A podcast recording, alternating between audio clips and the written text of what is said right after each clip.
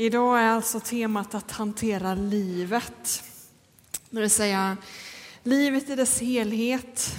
Det vill säga dagarna som blir till veckor och veckorna som blir till år. Och jag, för två veckor sedan så predikade jag om hur man skulle förvalta veckan på ett, sätt, på, på ett gott sätt. Och förra veckan så talade jag om att förvalta dagen på ett rätt sätt. Och idag ska vi ställa frågan, hur ska man då hantera livet i dess helhet? På ett klokt sätt. Eh, och precis som vi hörde i intervjun så är ju livet en blandning av allt mycket, av glädje och sorg. Och, och det kan skifta så oerhört. Hur ska man hantera livet så som det blir? Och de kristna har genom historien valt att förvalta tiden utifrån hoppet om himlen. Och det ska jag predika om idag. Och vi ska hoppa rakt in i Hebreerbrevet efter ett långt resonemang där Hebreerbrevet försöker bevisa att det finns en himmel utifrån psalm 95 i Saltaren. Men vi ska hoppa rakt in i slutsatsen där det står så här i Hebreerbrevet kapitel 4, vers 9 till 11. Kommer upp på skärmarna. Så har Guds folk alltjämt en sabbat att vänta. Ty att gå in i Guds vila är att vila ut från sitt verk, så som Gud vilade från sitt. Sabbaten är ju den sjunde dagen. Eh, en vilotid, en vilodag. Men Hebreerbrevet menar att, att snart kommer den stora sabbatstiden som kallas för, för himlen. Himlen är ju någonting som är redan nu men ännu inte. Ehm, här, här i tiden kan vi till exempel se himlen verka när människor blir helade på ett mirakulöst sätt. När vi ber för människor och de blir helade. Det är himlen redan här och nu. Men himlen är också det rike som fullbordas när Jesus kommer tillbaka hit i synlig gestalt och omskapar den här världen. Då kommer alla vara friska. Så när människor blir helade här i tiden så är det en försmak av himlen. Himlen är någonting som är redan nu, men ännu inte. Och när vi vilar på den sjunde dagen, den första predikan i den här serien handlade ju om det, så är den försmak av det himmelska livet. Och jag tror att en del av er här inne som inte längtar efter himlen och som har svårt för detta att leva livet utifrån det hoppet, kan vara så att ni inte längtar just för att den där vilodagen var så förskräcklig att du var tvungen att sitta still i sticksiga kläder eh, och inte få leka. Att vilodagen blev en dag av förmaningar om allt det där man inte fick göra. Eh, men när Jesus talar om himlen, då talar han om en fest. Han talar om en fest. Och när vi ska vila på den sjunde dagen, då ska det vara en dag av fest. Eh, och jag talade om det i den här första predikan som ju inte blev någon ljudfil, men om man googlar på Ryttargårdskyrkan och blogg så kommer man till vår halvdöda blogg och där finns mitt manus om du vill titta.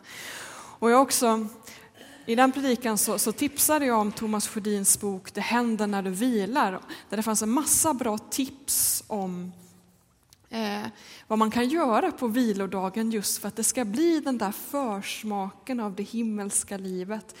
För att det ska bli den där försmaken av, den där him om den här himmelska festen. Han talar om att vilodagen ska vara en dag av lek. För himlen är en lek. Mm. En fest.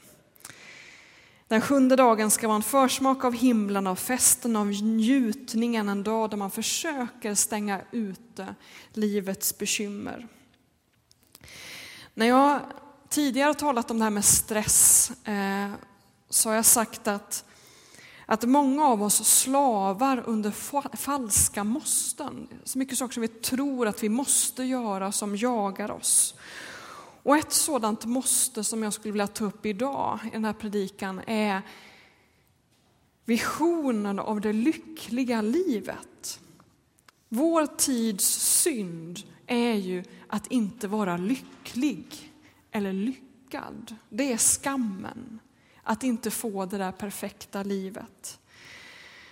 Eh, vår tid, vi lever ju i en snurr liksom som, som uppmanar oss att, att försöka skapa vårt eget paradis och nådig den som inte lyckas med det. Att skapa det där paradiset. Och jag tror att det finns en vila i att acceptera att livet har olika faser. Och då menar jag dels att, att vårt liv här i den här tiden består av olika faser av barndom, av tonår, av småbarnsliv och sen vidare. Och att livet består av, av dalar och av toppar, att det skiftar och liksom försonas med det, att så är det. Allt är inte perfekt hela tiden. Men jag tror också det finns en vila att acceptera att nu ser det här livet på jorden ut så här. Men så finns det också en ny fas, det himmelska livet. Jag tror att det finns en vila i att acceptera att det vi lever här och nu aldrig kommer bli det där paradiset. Det går inte att skapa det perfekta livet här och nu. Utan det perfekta livet kommer som en gåva vid Jesu återkomst. Vi kan inte rycka oss till paradiset. Det är en gåva från Gud. Och det där paradiset är redan nu, men ännu inte. Och jag tror att om man accepterar det så kan den här vilodagen, var sjunde dag, det där när man liksom försöker smaka någonting av det där perfekta livet som, som väntar oss. Det kan göra att livet blir mycket lättare att leva, att det brustna och det söndriga och det svåra blir lättare att bära om man vet att så här är det nu, men det finns ett hopp. Vi ska fortsätta vår läsning i Hebreerbrevet. Så här stod det, vi, vi börjar om från början igen, vers 9, men nu läser vi till vers 11 så har Guds folk alltjämt en sabbat att vänta. Ty att gå in i Guds vila är att vila ut från sitt verk, så som Gud vilade från sitt. Låt oss därför göra allt vi kan för att komma in i den vilan, så att ingen bringas på fall genom samma slags ohörsamhet. Vad är det som kan hindra vilan? samma slags ohörsamhet. Och man frågar sig, vad är det för ohörsamhet då? Jo, det är någonting som har varit i det här tidigare resonemanget som vi inte hinner läsa. Men där i det där resonemanget och argumentationen så, så har Hebreerbrevets författare gått igenom psalm 95. Och han har läst de här, tittat på de här verserna och vi ska läsa dem. Psalm 95 i Saltaren, vers 8-11. Det är skarpa verser det här. Så här står det. Förhärda er inte som vid Meriva, som den gången vid Massa i öknen.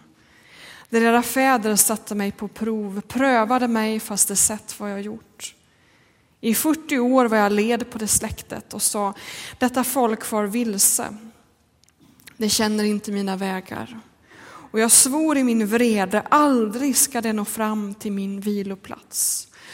Och den här salmen syftar på det som som berättas om i Moseböckerna. Ni vet när Gud befriade folket från slaveriet i Egypten. Och det här handlar om den här vandringen in i det förlovade landet. Och jag sa förra gången att det var mycket enklare för Gud att ta judarna från slaveriet liksom, och befria dem ut ur Egypten än det var för Gud att ta slaveriet och Egypten ut ur folket. För det satt så djupt, den den tillvaron. Eh, och det vi kan läsa om i Moseböckerna, för den här salmen syftar på flera sådana berättelser. När folket sa, nej nu går vi inte längre, i alla fall inte åt det hållet, vi vänder tillbaka till Egypten. Eh, för de litade inte på Gud, att Gud hade omsorg om dem, de litade inte på Gud att han ville dem väl och att han skulle fixa det här. Så de tänkte, äh, vi går tillbaka. Och till slut blir Gud så sur på folket så han säger, nej, okej då, ni får inte komma in. Inte ens Mose får komma in. Utan det får dröja 40 år innan de får komma in i det förlovade landet. Så de får gå någon slags straffpromenad där ute i öknen i 40 år. För att de inte trodde på Gud och hans omsorg och att han ville dem väl. Det står i den här salmen att han blev led på detta släkte. Alltså han tröttnade på den här generationen och så fick de inte komma in.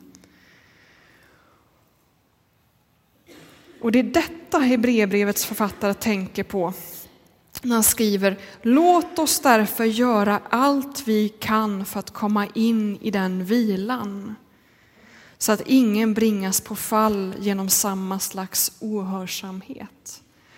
Och då syftar ju liksom, han tar den här bilden av judarna som liksom vandrar mot det förlovade landet och Jerusalem och så tänker han på oss, som vi vandrar ju också till ett nytt Jerusalem.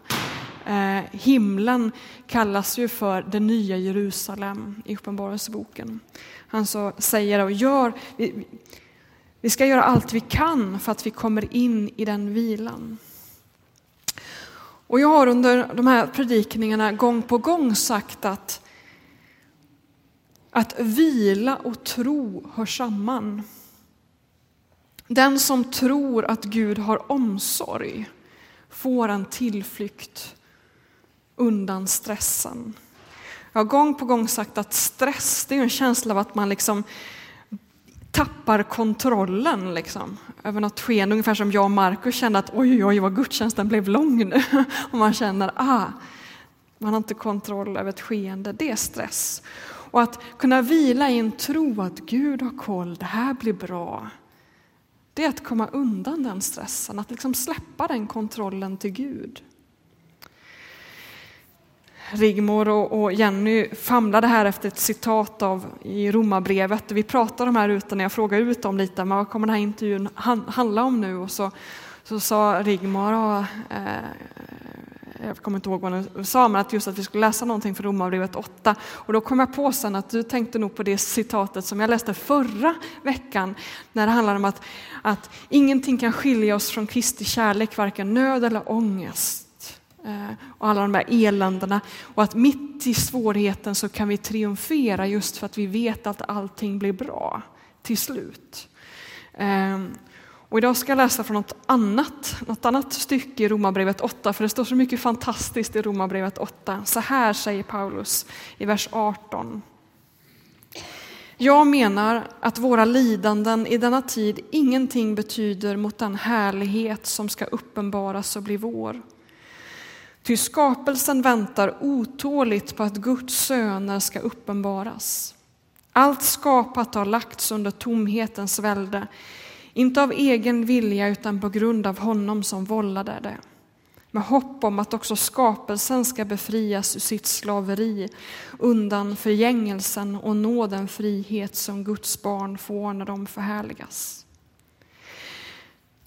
Alltså det är det här igen. Livet blir mycket enklare om man accepterar att det inte finns ett paradis nu. Att det inte är möjligt. Om man sänker kraven på det här livet så kan man hitta en djupare glädje. Då kan man finna förnöjsamheten i den här tiden, i så som livet är. Det var tron på himlen som hjälpte de amerikanska svarta slavarna i USA att stå ut med sin tillvaro. Det var hoppet om himlen.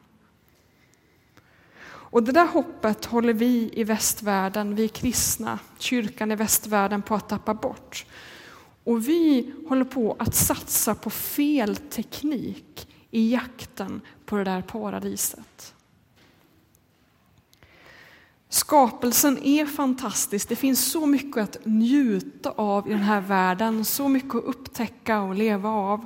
Och samtidigt så stod det ju Romarbrevet 8 att skapelsen är lagd under förgängelsen och en tomhet Och att själva naturen, den som snart ska liksom brista ut i blom, längtar efter paradiset. Det finns en bön som liksom stiger upp från jorden som längtar efter att det destruktiva ska försvinna. Det finns destruktiva drag i den här världen och det väntar skapelsen på att vi ska bli befriade från. Det går inte att dra ner paradiset. Den kommer som en gåva vid Jesu återkomst. Och det finns en risk att vi missar den där vilan i vår jakt efter det perfekta livet. Att vi missar både försmaken och gåvan i sin fullhet. Alltså, låt oss därför göra allt vi kan för att komma in i den vilan så att ingen bringas på fall genom samma slags ohörsamhet. Alltså det gäller både vilan här i tiden och den kommande. Och i brevbrevets författare fortsätter så här i vers 12. Där känner några av er igen. Du Guds ord är levande och verksamt. Det är skarpare än något tveeggat svärd och det tränger så djupt att det skiljer själ och ande, led och märg och blottlägger hjärtats uppsåt och tankar. Ingenting kan döljas för honom. Allt skapat ligger naket och blottat för hans öga och inför honom är det vi ska avlägga räkenskap. Att fly undan Gud är inte vilsamt. Många vittnar om just detta när man äntligen liksom tar emot Jesus som sin frälsare, landar i den här relationen, att, att det infinner sig en vila. Att få leva i försoning med Gud, det är en försmak av paradiset. Och därför får vi inte ta lätt på detta. Det stod inför Gud måste vi avlägga räkenskap. Vi måste stå till svars hur vi har förvaltat vår tid.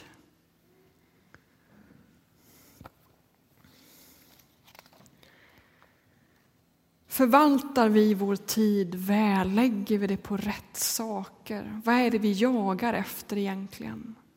Om du känner att jag lägger min tid på fel saker. Lyssna då noggrant på hur brevbrevet fortsätter sin, sitt resonemang. För så här står det. När vi nu har en mäktig överstepräst som har stigit upp genom himlarna, Jesus, Guds son, Låt oss då hålla fast vid vår bekännelse. Vi har inte en överstepräst som är oförmögen att känna med oss i våra svagheter utan en som har prövats på alla sätt och varit som vi men utan synd. Låt oss därför frimodigt träda fram till nådens tron för att få förbarmande och nåd i den stund då vi behöver hjälp. Jesus vill oss väl. Jesus vill oss väl. Han vill föra in oss i vilan och han ser vår vilsenhet när vi liksom irrar omkring. Och han vill hjälpa oss. Och Hebreerbrevet liksom vill få oss att förstå att ja, men, rusa in i Guds famn, var inte rädd. Ta emot den här hjälpen. Rikedom finns inte så mycket i, det, i överflödet av materiella saker, utan det är överflödet av goda relationer. Goda relationer är sann rikedom. Och paradiset är inte så mycket gator av guld som just försonade relationer. Paradiset, det paradiset som Jesus vill ge oss i ett liv i förlåtelse, i kärlek, i barmhärtighet. Det är ett liv i fest utan gräl. Ett liv i fest utan gräl. Förra året så avled en legend i vår församling, Hildur Jansson, eller Hille. Det fanns en en text om henne i vår verksamhetsberättelse. Men hon avled så hade jag presentationen över henne och då, då berättade jag att jag sista gången jag träffade henne så läste hon från Romarbrevet 12, vers 18. Där stod så här, håll fred med alla människor så långt det är möjligt och kommer an på er. Det låg hon och tänkte på när hon låg på sjukhuset. Håll fred med alla människor så långt det är möjligt och kommer an på er. Och så berättade Hilles brorsdotter att hon hade sagt sista gången de möttes att när man har frid med Gud och alla människor så mår man väl.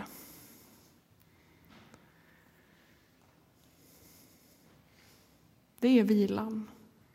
Att leva i fred med andra människor. Det är inte att skaffa många prylar. Det handlar om att finnas i goda relationer. Och det där så långt det är möjligt och kommer an på er är viktigt. Vi kan göra mycket men vi kan inte göra allt. Vi kan inte tvinga människor att säga förlåt eller ta emot förlåtelse men vi kan göra så långt så det kommer an på oss. Och så ska vi hålla fred med Gud och det är viktigt. Och det är viktigt att vi påminner varandra om hur viktigt det är att vi håller frid, fred med Gud. För det är ingen annan som kommer påminna oss om det. För svenskar räknar inte med det här perspektivet. Det är inte det paradiset som de strävar efter. Svenskar i allmänhet har helt andra strategier, strategier i att nå paradiset. Och vi blir så lika dem i deras jakt. Vi glömmer att vi har ett annat mål, att vi har andra strategier i jakten efter paradiset. Och vi glömmer ibland, till och med i kyrkan, att vi är dödliga. Och att livet är evigt samtidigt. Vi glömmer att vi en dag ska avlägga räkenskap och vi glömmer att livet sen har en fortsättning. Till sist så ska vi läsa en sån här klämkäck vers som vi slänger oss med ibland. Filipperbrevet 4 och 13. Allt förmår jag genom honom som ger mig kraft. Det är en vers som vi ofta missbrukar och glömmer bort vad den handlar om. Det är Paulus som har skrivit den versen och han levde med himlen framför liksom, ögonen. Han levde med det som passion och mål och perspektiv. Och jag berättade om det i min predikan om, om Jesus, eller Jesus som lärare i februari. Du kan gå in och lyssna på det. Men han, han satsade allt för att så många som möjligt skulle nå den där vilan. Vilan som är en försmak och vilan som en fullbordan. Han satsade allt för att så många som möjligt skulle skulle liksom nå det. Så himlen för honom, det var inte bara en slags tröst i tanken på döden, utan himlen, allt handlade om himlen. Att försöka dra ner det paradiset på jorden. Och det kostade honom väldigt mycket lidanden. Och det är det han radar upp där i Romarbrevet 8 om nöd och ångest och svårigheter och skeppsbrott och allt möjligt. Men och hans liv hade verkligen olika faser. Ibland satt han i fängelse, ibland liksom var han bland vänner. Det kastade liksom mellan olika skeden. Och det är det han berättar om i Filipperbrevet om de här olika faserna. Och nu ska vi läsa hur det stod, hur det här bibelordet finns i sin helhet. Så här står det.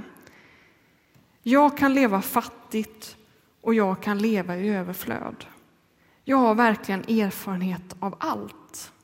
Att vara mätt och att hungra och att leva i överflöd och att lida i brist.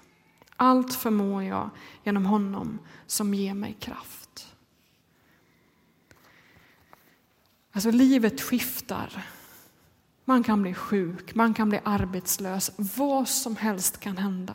Man kan bli lämnad, som Rigmor talade om. Och I allt detta så får vi leva med himlen som mål och försöka dra ner det paradiset. Och så vet vi att i allt detta så är det ändå någonting som bär i botten, som Rigmor vittnade om. Att mitt i den här ångesten, mitt i svårigheterna, när till och med församlingen inte riktigt vill ha med henne att göra, då finns det någonting som bär. Och just den erfarenheten hade Paulus också, just att församlingen till och med sviker. Han skriver det i något av sina sista brev, att han är ensam. Ensam kvar, folk har gått. Liksom. Övergett honom. För att de kanske inte riktigt höll med honom hur man skulle tänka och, och säga och leva. Så blev han ensam.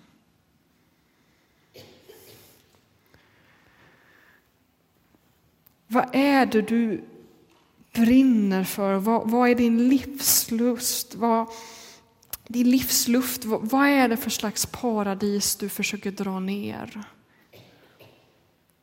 Hur hanterar du livet? Hur förvaltar du din tid? Det ska vi begrunda. Och teamet här ska sjunga en gammal psalm i lite ny tappning här för oss. Och låt oss reflektera över det. Vad är det för paradis vi jagar efter? Och sen ska jag bjuda in till förbön.